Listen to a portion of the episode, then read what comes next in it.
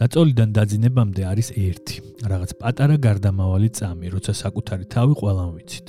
ეს სიტყვები გურამ დოჩანაშვილს ეკუთვნის და ალბათ ყველას გსმენია, მაგრამ საინტერესოა რამდენად ხშირად ვფიქრობთ ამაზე.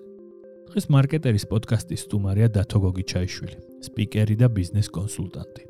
მომდევნო 20 წუთში იგი შეეცდება დაგაფიქროთ გარემოზე და საკუთარ თავზე. პოდკასტის ბოლოს კი შეძლებთ იპოვოთ პასუხი კითხვაზე, თუ რომელი ხართ თქვენ? მე აკო ახალაია ვარ და ეს მარკეტერის პოდკასტია, რომელსაც წარმოგიდგენთ საქართველოს ბანკი ბიზნესი. გოგიჩ, ჰაუ 2020 წელს ყველაზე ხშირად გამოყენებული კომენტარი შენს მიერ. რომელი ხარ შენ? ესე იგი, წინა წლებში სხვები იყო, მაგრამ ამ წელს იყო რომელი ხარ შენ? ყველა ყველა კომენტარზე ესე პასუხობს, სტატუსზე შეიძლება რაღაცას რო დაგიკომენტებენ და რო reply-ს რო უკეთებ რომელი ხარ შენ და მოკლედ ეს 2020 წელი, ესე იგი, ამ კომენტარმა ყველაზე ხშირი, მოკლედ ეს კომენტარი იყო. ეს რომელი ხარ შენ? სხვათა შორის აა ერთი მხრივ ხო მეორე პირის მხოლობით რისკში არის შეკითხვა, ანუ ყოველთვის სხვას უნდა შეეკითხო და ისეთია რა, იუმორისტული, სახუმარო შეკითხვაა რა, ირონიული თითქოს რომელი ხარ შენ არა და ხო ჩანს ვინც ვინც გეკითხება რაღაცას, მაგრამ აა მეორე მხრივ აა თითქოს ყოველთვის სხვას უნდა ვკითხოთ, რომ რომელი ხარ შენ, მაგრამ მე ვფიქრე, აი, საკუთარი თავის შეცნობისთვის და თვით შემეცნებისთვის, ჩემი აზრით, აი რაღაც self awareness, რასაც ეძახიან, აქედან ხوار უნდა დავიწყოთ, რომ საკუთარ თავსაც ვკითხოთ რა, რომელი ხარ შენ და ერთი რაღაც მარტივი თამაში თუ გინდა, რაღაც აი სხვადასხვა სფეროები, სხვადასხვა სფეროებისთვის დამახასიათებელი აქტუალური სიდიდეებით. შეგვიძლია ძალიან გავამარტივოთ ეს კონცეფცია, ფილოსოფოსები კი გაგვიბრაზდებიან, რომ როგორ ამარტივებთო, მაგრამ ну აი ძალიან მარტივად რო ვთქვათ, რომ აი რომელი ხარ შენ რა ყოველ დღესა შენ თავს კითხო რომელი ხარ შენ მაგალითად აა სპორტი თუ გაინ აა სპორტისთვის დამახასიათებელი სიდიდეები, ესე იგი, აქტუალური სიდიდეები არის, რომ რა, არსებობენ აა მოთამაშეები და არსებობენ მაყურებლები. აა რომელი ხარ შენ? ანუ სხვადასხვა სფეროების სიდიდეებით რო თქვა, რომ აი რომელი ხარ შენ რა, ყოველ დღესა შენ თავს კითხო, აა მაყურებელი ხარ თუ მოთამაშე ხარ. და გასაგები ხსე ესე მარტივად არ არის. ანუ მოთამაშეს ვეძახი ვინც ქმნის, მოთამაშეს ვეძახი მწრთნელსაც, იქ დამხმარესაც, სათადარიგოს კამზე ვინც ზის იმასაც და მაყურებელი, რომელი ხარ, ანუ რომელიც ქმნის, რომელი ხარ შენ, რომელიც ქმნის, თუ რომელიც აფასებს სხვის შექმნილს. ახლა არ მინდა გამომივიდეს რომ ვაკნინებ მაყურებლის როლს, რა თქმა უნდა, მაგრამ ნუ მაყურებლებშიც ხო ვიცით რომ იქ გრადაციები არსებობს. კარგი მაყურებელი არსებობს ცუდი მაყურებელი. კარგი მაყურებელია რომელიც ესე იგი რომელსაც უყვარხარ, როცა აგებ, რომელსაც უბრალოდ როცა აგებ უფრო უყვარხარ. ცუდი მაყურებელია აი ეს მეც მოველოდი სასტავი რა, აბიჯო, აი ეს ბურთი რომ მიიღო რომ და შემოტრიალებულიყო და მაკრატელათი რომ დაერწყა, უფრო ლამაზი გოლი გამოვიდა და ხო გაიტანა გოლი, ხო გასიამრა. კი, მაგრამ აი უფრო ლამაზი იქნება და მე რო ყოფილიყავი ისე გავაკეთებდი. რომელი ხარ შენ? თუ მაყურებელი ხარ, კარგი მაყურებელი ხარ თუ ცუდი მაყურებელი ხარ? თუ მოთამაშე ხარ, კარგი მოთამაშე ხარ თუ ცუდი მოთამაშე ხარ? ნებისმიერ სფეროზე რო ავიღოთ, ანუ თამაშის წესი იყოს ეს რა. თუ რაღაცა სფერო გაინტერესებს, ამ სფეროსთვის დამახასიათებელი სიდიდეებით, რა. აი არსებობენ ესეთები, არსებობენ ისეთები. რომელი ხარ შენ? ეს როგორც აი პირველი შეკითხვა, ქედან და საკუთარი თავის შეცნობის დასაწყებად, რა და მე უკვე რომელი ხარ შენს რო უპასუხებ, მე რა გირჩევნია, მე შეგიძლია თუ არა მარ მართლა გინდა თუ არა ამ კატეგორიაში ყოფნა და ასე შემდეგ. მედიცინა. არსებობენ ექიმები და არსებობენ პაციენტები. რომელი ხარ შენ? ანუ ექიმი არა პროფესიით რომელი ხარ შენ, არამედ ნუ რომ განვაზოგადოთ ეს ცხოვრებაზე, ეს ხო როლებია რა. რაღაც стереოტიპულად რო შევხედოთ რა. პაციენტია, ცუდი პაციენტია, რომელიც აი ხო ვიცნობთ ესეთ ადამიანებს ჩვენს გარშემო. ბევრნი არიან, რომელიც ყოველთვის სხვას ავალდებულებს, მის გარშემო ადამიანებს ავალდებულებს მასზე ზრუნვას რა. რომ აი რატო არ დამირეკა ერთი იქნება რამჭირს, არ უნდა დაერეკა ერთი, არ უნდა მოვეკითხე ერთი.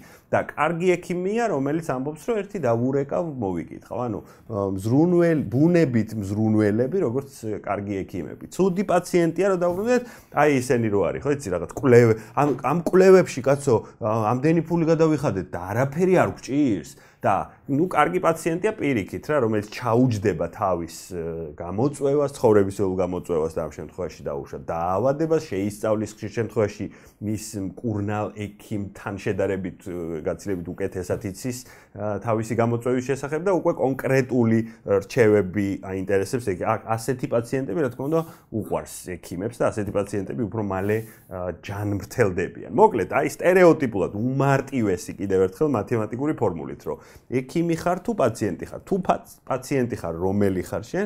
ეს ორივე კატეგორია ხო ისე არ არის, რომ ცუდი და კარგია რა. არამედ ის არის რა, რომ ექიმი ხარ თუ პაციენტი ხარ? თუ პაციენტ ორივე ხო ერთმანეთის არსებობას ადასტურებს, არ არსებობს ერთი მეორის გარეშე რა. რომ არ იყვნენ ექიმები, ვისი იმედი გვექნებოდა პაციენტებს და რომ არ არსებობდნენ პაციენტები, ვისზე გამოვიჩენდით ზრუნველობას ექიმები. Ну მენეჯმენტში ეს ფორმულაც ესე იგი სახეზეა რა მენეჯმენტზე ხა ხო იცი ბევრი შეიძლება ვილაპარაკო რა არსებობენ მენეჯერები და არსებობენ თანამშრომლები. რომელი ხარ შენ? არა პოზიციით არამედ ბუნებით რა. ხო არსებობს ბუნებით მენეჯერი და ბუნებით თანამშრომელი. არ მინდა დავაკნინო თანამშრომლების როლი რა თქმა უნდა და კი იცი ჩემი მიდგომა რომ თანამშრომელი უკვე ბიზნესის ახალ პარადიგმაში არის უმთავრესი რომ ესე იგი ჩვენ ხო ადრე გვქონდა კლასიკური მიდგომა, რომ აი ესე იგი ბიზნეს პარადიგმა კლასიკური იყო ასეთი, რომ ცირა მე აქ იმიტომ პახაობ, რომ შევქმნა დამატებითი ღირებულება დამფუძნებლისთვის და დამფუძნებელი მთავარია და მომხმარებელი ყოველთვის მართალია. ეს ეს იყო ძველი პარადიგმა და ახალი ტიპის კომპანიები, რომელიც მეც მევასება და შენც უკვე მიმართავენ ახალ ფილოსოფიას, რომელიც არის, რომ შენს მომხმარებელს არასოდეს არ ეყარება შენი ბრენდი, შენს მომხმარებელს არასოდეს არ ეყარება შენი კომპანია until the employees love it first. სანამ თანამშრომ, ანუ თანამშრომელი არის ყველაზე მთავარი რგოლი და შეერჰოლდერი არის ბოლოში ხოლმე. შესაბამისად ეს ფორმულა მენეჯერი ხარ თუ თანამშრომელი ხარ. თუ თანამშრომელი ხარ, კარგი თანამშრომელი ხარ თუ ცუდი თანამშრომელი ხარ. ცუდი თანამშრომელი რომელიც ყოველთვის აბრალებს მენეჯერს. იმან ვერ დამა ჩელენჯა, იმან ვერ შემიქმნა მე პირობები, გარემო ვერ შემიქმნა იმისათვის რომ მე რეალიზდე და რაღაც კონტრიბუცია შევიტანო და ასე შემდეგ. ასეთი ტიპის თანამშრომელი შემოვლებს, ახლა მენეჯერები დამეთანხმებიან, რომ პრობლემის იდენტიფიკაცია შენამდე მოაქვს ესე რა, რა ეს არის პრობლემა და всё, დაგვერხა. აჰა, შენი პრობლემაა, შენ მოიფიქრე გამოსავალი და აჰა. ხო? რამდენი, რამდენი ბუნებით ცუდი თანამშრომელი ვიცით მეორე მხრივ, რომელიც ესე იგი მენეჯერის პოზიციაზეა დღეს რა. და კარგი თანამშრომელი პრობლემა შენამდე მოიტანს ესე რა. აი ეს არის პრობლემა, ეს იდენტიფიცირება გაუკეთე და აი ამ თუ ამ გზით წავალთ, მაშინ ეს რისკ ფაქტორებია, თუ ამ გზით წავალთ, მაშინ ეს რისკ ფაქტორებია და ასე შემდეგ. კარგი თანამშრომელი და ცუდი თანამშრომელი. რომელი ხარ შენ? კარგი თანამშრომელი ხარ თუ ცუდი თანამშრომელი ხარ? მეორე მხრივ, მენეჯერებშიც კარგი მენეჯერი და ცუდი მენეჯერი. კარგი მენეჯერი არის რომელიც იტყვის რომ იცი რა მოდი მე ამ რესურსიდან რომელიც რა თქმა უნდა ყოველთვის შეზღუდულია მე ავიღებ ჩემ თავზე რომ ვიღაცეების ერთმანეთთან დაკავშირებით და ასე შემდეგ რომ უკეთესი შევქნა გარემო გუნდისთვის და ჩემთვის და ორივე მნიშვნელოვანია. გუნდის ხარჯზე ჩემთვის კი არა, არამედ გუნდისთვის და ჩემთვის. ცუდი მენეჯერია, რომელიც ხო იცი რა, არასწორ ადგილზეა, არ ევასება ეს ადამიანების მენეჯმენტი. შეიძლება კარგი პერფორმერი იყო მანამდე და დააწინაურეს მე მენეჯერად, რაც პიტერს პრინციპლიდან ვიცით რომ შეცდომა ახოლმე და მე წუწუნებს რა რომ აი რიტრიტზე გავუშვი, ტრენინგზე გავუშვი, ბონუსი მივეცი და ვერ ვამოტივირე და წუწუნებს რომ რა უსამართლოა ეს ცხოვრება, კაცო, ამათი მოსაწონი ვერაფერი ვერ ანუ ერთი მხრივ ცუდი თანამშრომლები წუწუნებენ ცუდ მენეჯერებზე რომ რა უსამართლოა ეს ცხოვრება რომ ვერ შევიქნა გარემო, მეორე მხრივ ცუდი მენეჯერები წუწუნებენ ცუდ თანამშრომლებზე რომ რა უსამართლოა ეს ცხოვრება ვერ ვამოტივირე ერთ სიტყვით ორივე წუწუნებს რა უსამართლოა ეს ცხოვრება სინამდვილეში ეს ცხოვრება დიახ უსამართლოა მაგრამ ეს ცხოვრება უსამართლოა ყველას მიმართ. ამითა ეს ცხოვრება სამართლია მენეჯერი ხარ თუ თანამშრომელი ხარ? თუ თანამშრომელი ხარ კარგი თანამშრომელი ხარ თუ ცუდი თანამშრომელი ხარ, თუ მენეჯერი ხარ, კარგი მენეჯერი ხარ თუ ცუდი მენეჯერი ხარ. ეს მენეჯერობა ხო გარედან ჩანს ადვილი რა, რომ ვა რა кай პონტია, თო, კაბინეტთან გამოკრული მექნება ჩემი სახელი და გვარი, პოზიციას მომცემენ, რაღაცა დიდი კაბინეტი მექნება, ესე იგი მუშტს დავაბრახუნებ და ამ ხელა გუნდს მართავ და ყველა ჩემს ჭკუაზე ივლის ორგანიზაციაში და ასე შემდეგ. რა მდივანი შემოვა დილას და შემომიტანს ხოლმე. ბატონო დავით ყავა მოგართვათ თუ ჩაი მოგართვათ და რაღაც. ხო არსებობენ მენეჯერები რომლებიც ესე მართავენ რა. ანუ ეს არის მათი ხშირ შემთხვევაში ბუნებით თანამშრომლები стереოტიპულად ცუდი თანამშრომლები ბუნებით რომლებსაც ეხა პროსტა მენეჯერის როლი აქვს მორგებული რა. რამდენი ესეთი ვიცით რამდენი ესეთი ბუნებით ცუდი თანამშრომელი ვიცით რომელიც მენეჯერად მუშაობს და რამდენი ბუნებით მენეჯერი ვიცით რომელიც დღეს თანამშრომელია და კარგი თანამშრომელია კომპანია მათზე დგას. ყავა მოგართვათ თუ ჩაი სხვათა შორის ასევე არის ერთი მხრივ ისეთი ჩვეულებრივი ყოველდღიური შეკითხვა, მაგრამ მეორე მხრივ მე ვფიქრობ, რომ მენეჯმენტ შეკითხვა, იმიტომ რომ იცი ასევე ჩემი მიდგომა level 5 მენეჯერების მიმართ. ანუ მაგარი მენეჯერები ჩვენ გვაჩვენებენ რა გვაგზნობინებენ რა მაგრები არიან ისინი და ჩვენ ხვდებით მათი follower-ები და შენ გენაცვალე მიდი დამავალე და აქავარ, მიდი შენ დაიძახე და მთებს გადავაგორებ შენთან ერთად, მაგრამ უფრო მაგარი მენეჯერები ჩვენ გვაჩვენებენ და გვაგზნობინებენ რა მაგრები შეგვიძლია ვიყოთ ჩვენ. და ეს სულ სხვა სულ სხვა მაინდსეტი ამას აკეთებს სახური როგორც ლიდერი რომლის რომლის ესე იგი მენეჯერობის мотиваცია არის სხვისი მსახურება, სხვისი წარმატება ისევე უხარია როგორც თავისი. ჩაის პაკეტის ანალოგია სხვათა შორის ბევრ სხვა რამეზე შემხვდა ხოლმე, მაგრამ ჩემთვის ეს არის მენეჯერისა, level 5 მენეჯერისა და გუნდის ურთიერთობის მეტაფორა რა.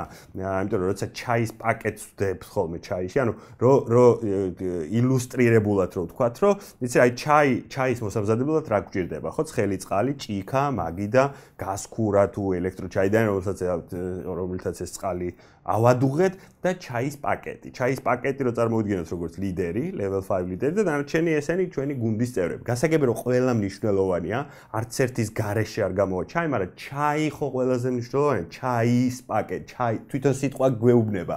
ჩაის გარეშე ჩაის ვერ გავაკეთებთ, ხო?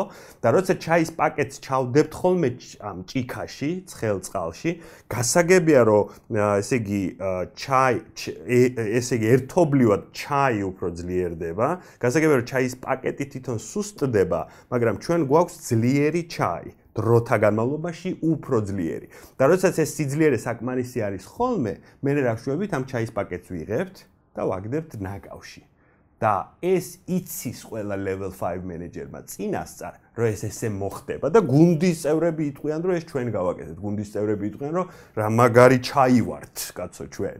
აა level 5 მენეჯერმა ეს იცის წინასწარ რომ ეს ესე მოხდება თუმცა ეს არ უკარგავს მას სურვილს, რომ ემსახუროს გუნდს და გარემო შეუქმნას და მოკლედ ხო იცი რა, როგორც ლაოძის განმარტებაა, რომ აი მაგარი მენეჯერია ის, რომელიც ლაპარაკობს სოტას, მხოლოდ ქმნის გარემოს, ემსახურება, აკომპანიმენტს უკეთებს და ასე შემდეგ, და როცა საქმე შესრულებულია, მისია როცა შესრულებულია, გუნდის ყველა წევრი იტყვის, რომ ეს ჩვენ გავაკეთეთ. კარგი მენეჯერი ხარ? თუ ცუდი მენეჯერი ხარ.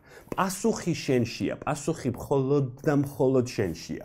როგორც დოჩანაშვილმა თქვა, ყოველ ღამე დაწოლიდან დაძინებამდე არის ერთი პატარა გარდამავალი წამი, როცა საკუთარი თავი ყველამ ვიცით. ანუ ერთ-ერთი კოუჩი, ერთ-ერთი მენტორი თუ ერთ-ერთი მასწავლებელი ამ პასუხს შენს მაგივრად ვერ გასცემს. ეს პასუხი შენშია და პასუხი მხოლოდ შენთვისაა. რომელი ხარ შენ? მე რე შემდეგი შეკითხვა შეიძლება იყოს, რომ ოკეი, რა გირჩევნია? ნამდვილად სწორ ადგილას ხარ თუ არა ხარ და ასე შემდეგ. განათლების სისტემაში. ახლა ძალიან ბანალური იქნება ამ ფორმულის გავრცელება განათლების სისტემაზე, რომ არსებობენ მასწავლებლები და არსებობენ მოსწავლეები და რომელი ხარ შენ? აა მათ შორის ეს ლიდერი ხო ყოველთვის მოსწავლეა. ყოველ დღე ახალ-ახალს თუ არ სწავლობ, ხო არსებობენ მენეჯერები, რომელიც აი მე ყველაფერი ვიცი და დანინ კრუგერის ეფექტი და ისა ეს. მაგრამ ოდნავ განსხვავებულად რო ვთქვათ ეს, განათლების სისტემაში აა რომელი განათლება არის შენს განათლებაში მეტი, რომელიც გასწავლეს თუ რომელიც შენ თვითონ ისწავლე, იმიტომ რომ ხო ხშირად ხდება ხოლმე, რომ როგორ შეიძლება ხა განათლებაზე ვთქვათ, რომ ცუდია რამენაირად, მაგრამ ხშირ შემთხვევაში იმ განათლების და გამოცდილების მსხვერპლები ხდებით ხოლმე. ხა ბევრი ანტრეპრენიურის მაგალითია, რომ ისეთ სფეროში მიაღწიეს წარმატებას, რა სფეროშიც არ იცოდნენ არაფერი. და კიდევ კარგი რო არის ცოდნე, იმიტომ რომ პარადოქსია მანდაც, რომ რო ცოდნოდათ იმ სფეროს შესახებ, რასაც ბიზნეს ლიტერატურა გვასწავლის, რასაც პროფესორები ჭკვიანი სახით გვასწავლიან, მაშინ რაღაცებს ვერ გაბედავდნენ, იმიტომ რომ ჩარჩო არის რა. და არის რაღაცები, რაც ჩვენ თვითონ ვისწავლით, აი ბავშვურად გვინდოდა და ვისწავლით. როგორც ბავშვები სწავლობენ ლაპარაკს. სასწაული არ არის, იმიტომ რომ პირველი 2 წლის განმავლობაში, დაბადებიდან 2 წლის განმავლობაში ბავშვი სწავლობს ისეთ რთულ და კომპლექსურ რაღაცას, როგორც არის ლაპარაკი. და ამას სწავლობს თვითონ ჩვენ არ ვასწავლით. არც არავინ ასწავლის. ამ სიტყვის კლასიკური გაგებით არ ვასწავლით, რა როგორც განათლება. ანუ ესე ხო არ არის, რომ აი დაისთვის შენი შვილი 2 წლის და დავა ეხლა უნდა ვილაპარაკოთ. ჩვენ რა შენ უნდა ილაპარაკო და იცი რა რაც გესმის ეს ხმები ზოგიერთი არის ეს მეტყველების ნაწილები არსებითი სახელი რომელსაც 7 ბრუნვა აქვს ზმნა რაღაც წინადადებაში ქვემდებარე შემასმელი შემასმენელი ადგილის გარემოება დროის გარემოება და აი ხა ესენი ჩამაბარე და ხვალ ჩამაბარე და ესე ნელ-ნელა ისწავლილაპარაკს და ეს თურმეობითი დაიკიდე მეც არ ვიცი კარგად. ანუ ესე ხო არ ასწავლი ლაპარაკს, ხო? ლაპარაკი არის, მოკლედ ბავშვი ხო, ყველა ბავშვი, ყველა ადამიანი ხო, ვიბადებით უსაზღვრო შესაძლებლობებით, უსაზღვრო.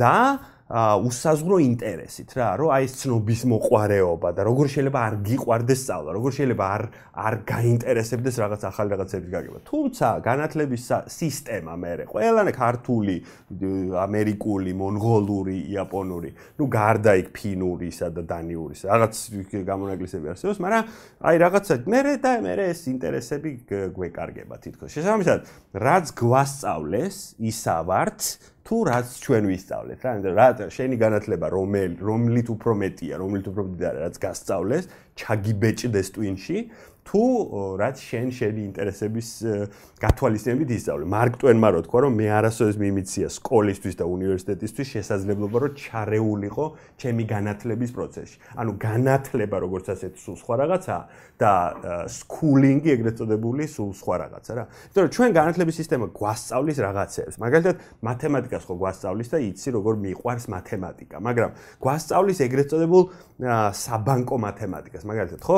4 ძირითადი მოქმედება, გამრავ ესე იგი მიმატება, გამოკლება, გამრავლება, გაყოფა. აა შესაძლოა ეს არის საბანკო მათემატიკა იმ გაგებით რომ ესე დეპოზიტის მათემატიკა შენს დეპოზიტს მიემატება და გამრავლდება თუ არ მოაკლებ და არ გაყოფ. ეს არის მათემატიკა რომელიც გვებეჭდება და მე წარმატებაზეც ესე იგი და ბედნიერებაზეც ვავრცელებთ ხოლმე ამ მათემატიკას. არა და ბედნიერების მათემატიკა სულ სხვა.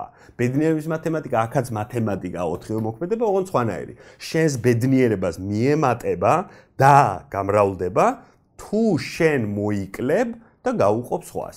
ანუ ამას არ გვასწავლიან სკოლაში, ამას ცხოვრება გვასწავლის. არა, როგორც მარკტვენი, მოკლედ განათლება ერთია და სკულინგი მეორე. მეორე განათლების სისტემა გვასწავლის, რომ იცი რა მთელი ცხოვრება არის იმაზე, რომ კარგად ისწავლო, მე ჩააბარო, მე იშოვო კარგი სამსახური და აი იყო ესეთი საშუალოდ წარმატებული რა. და ესე რაღაცა გუნავს ხოლმე ვამბობთ, რომ იცი რა მე არა ვარ ეხა დაბადებული სპორტსმენად, არა ვარ დაბადებული წერა, წერლად, არა ვარ დაბადებული მუსიკოსად ან ექიმადან, ბიზნესმენადან, მენეჯერად და ასე შემდეგ. არ ვარ დაბადებული ესეც რაღაცა ჩამოყალიბებული ნასწავლი შიშია ხოლმე, რომ აი რაღაცას არ გავაკეთებ, იმიტომ რომ არა ვარ ახლა დაბადებული ჩემპიონად. სინამდვილეში არ ვამბობ, რომ ბევრი რამ წამიგითხავს და გამიგია, მაგრამ რაც წამიგითხავს და რაც გამიგია, აა ვიცი, რომ როცა ვინმე იბადება, ორი ვარიანტია სულ, ან ბიჭია და ან გოგო. აა ჩვენ ხო არ ვამბობთ, რომ აი მაისურაძეებს ბავშვი გავიშთათ, მართლა ვინ გაყიდვების სპეციალისტი. ანუ ყველაფრის სწავლა შეიძლება თუ გინდა. თუ ვერ აითვისე, ვერ ისწავლე, მან ფილოსოფიური სიღრმე აქვს მაგას, რომ ესე იგი არ გდომებია. შანსი არ არის, რომ გინდო. ანუ ესე იგი არ გდომებია ბიზიკო. თუ ბოლომდე ვერ გახვედი. და ასევე განათლების სისტემა ხდება მე რაღაც საზოგადოებრივი კლიშეების პარტნიორი და ინტეგრალური ნაწილი და იცი რა ჩვენ გვგონია ასევე აი მათემატიკიდან გამომდინარე რომ წარმატება ნებისმიერ შემთხვევაში სხვის ხარჯზე წარმატებაა. ანუ მე რომ მოვიგო ამისათვის აუცილებელია რომ სხვამ წააგოს.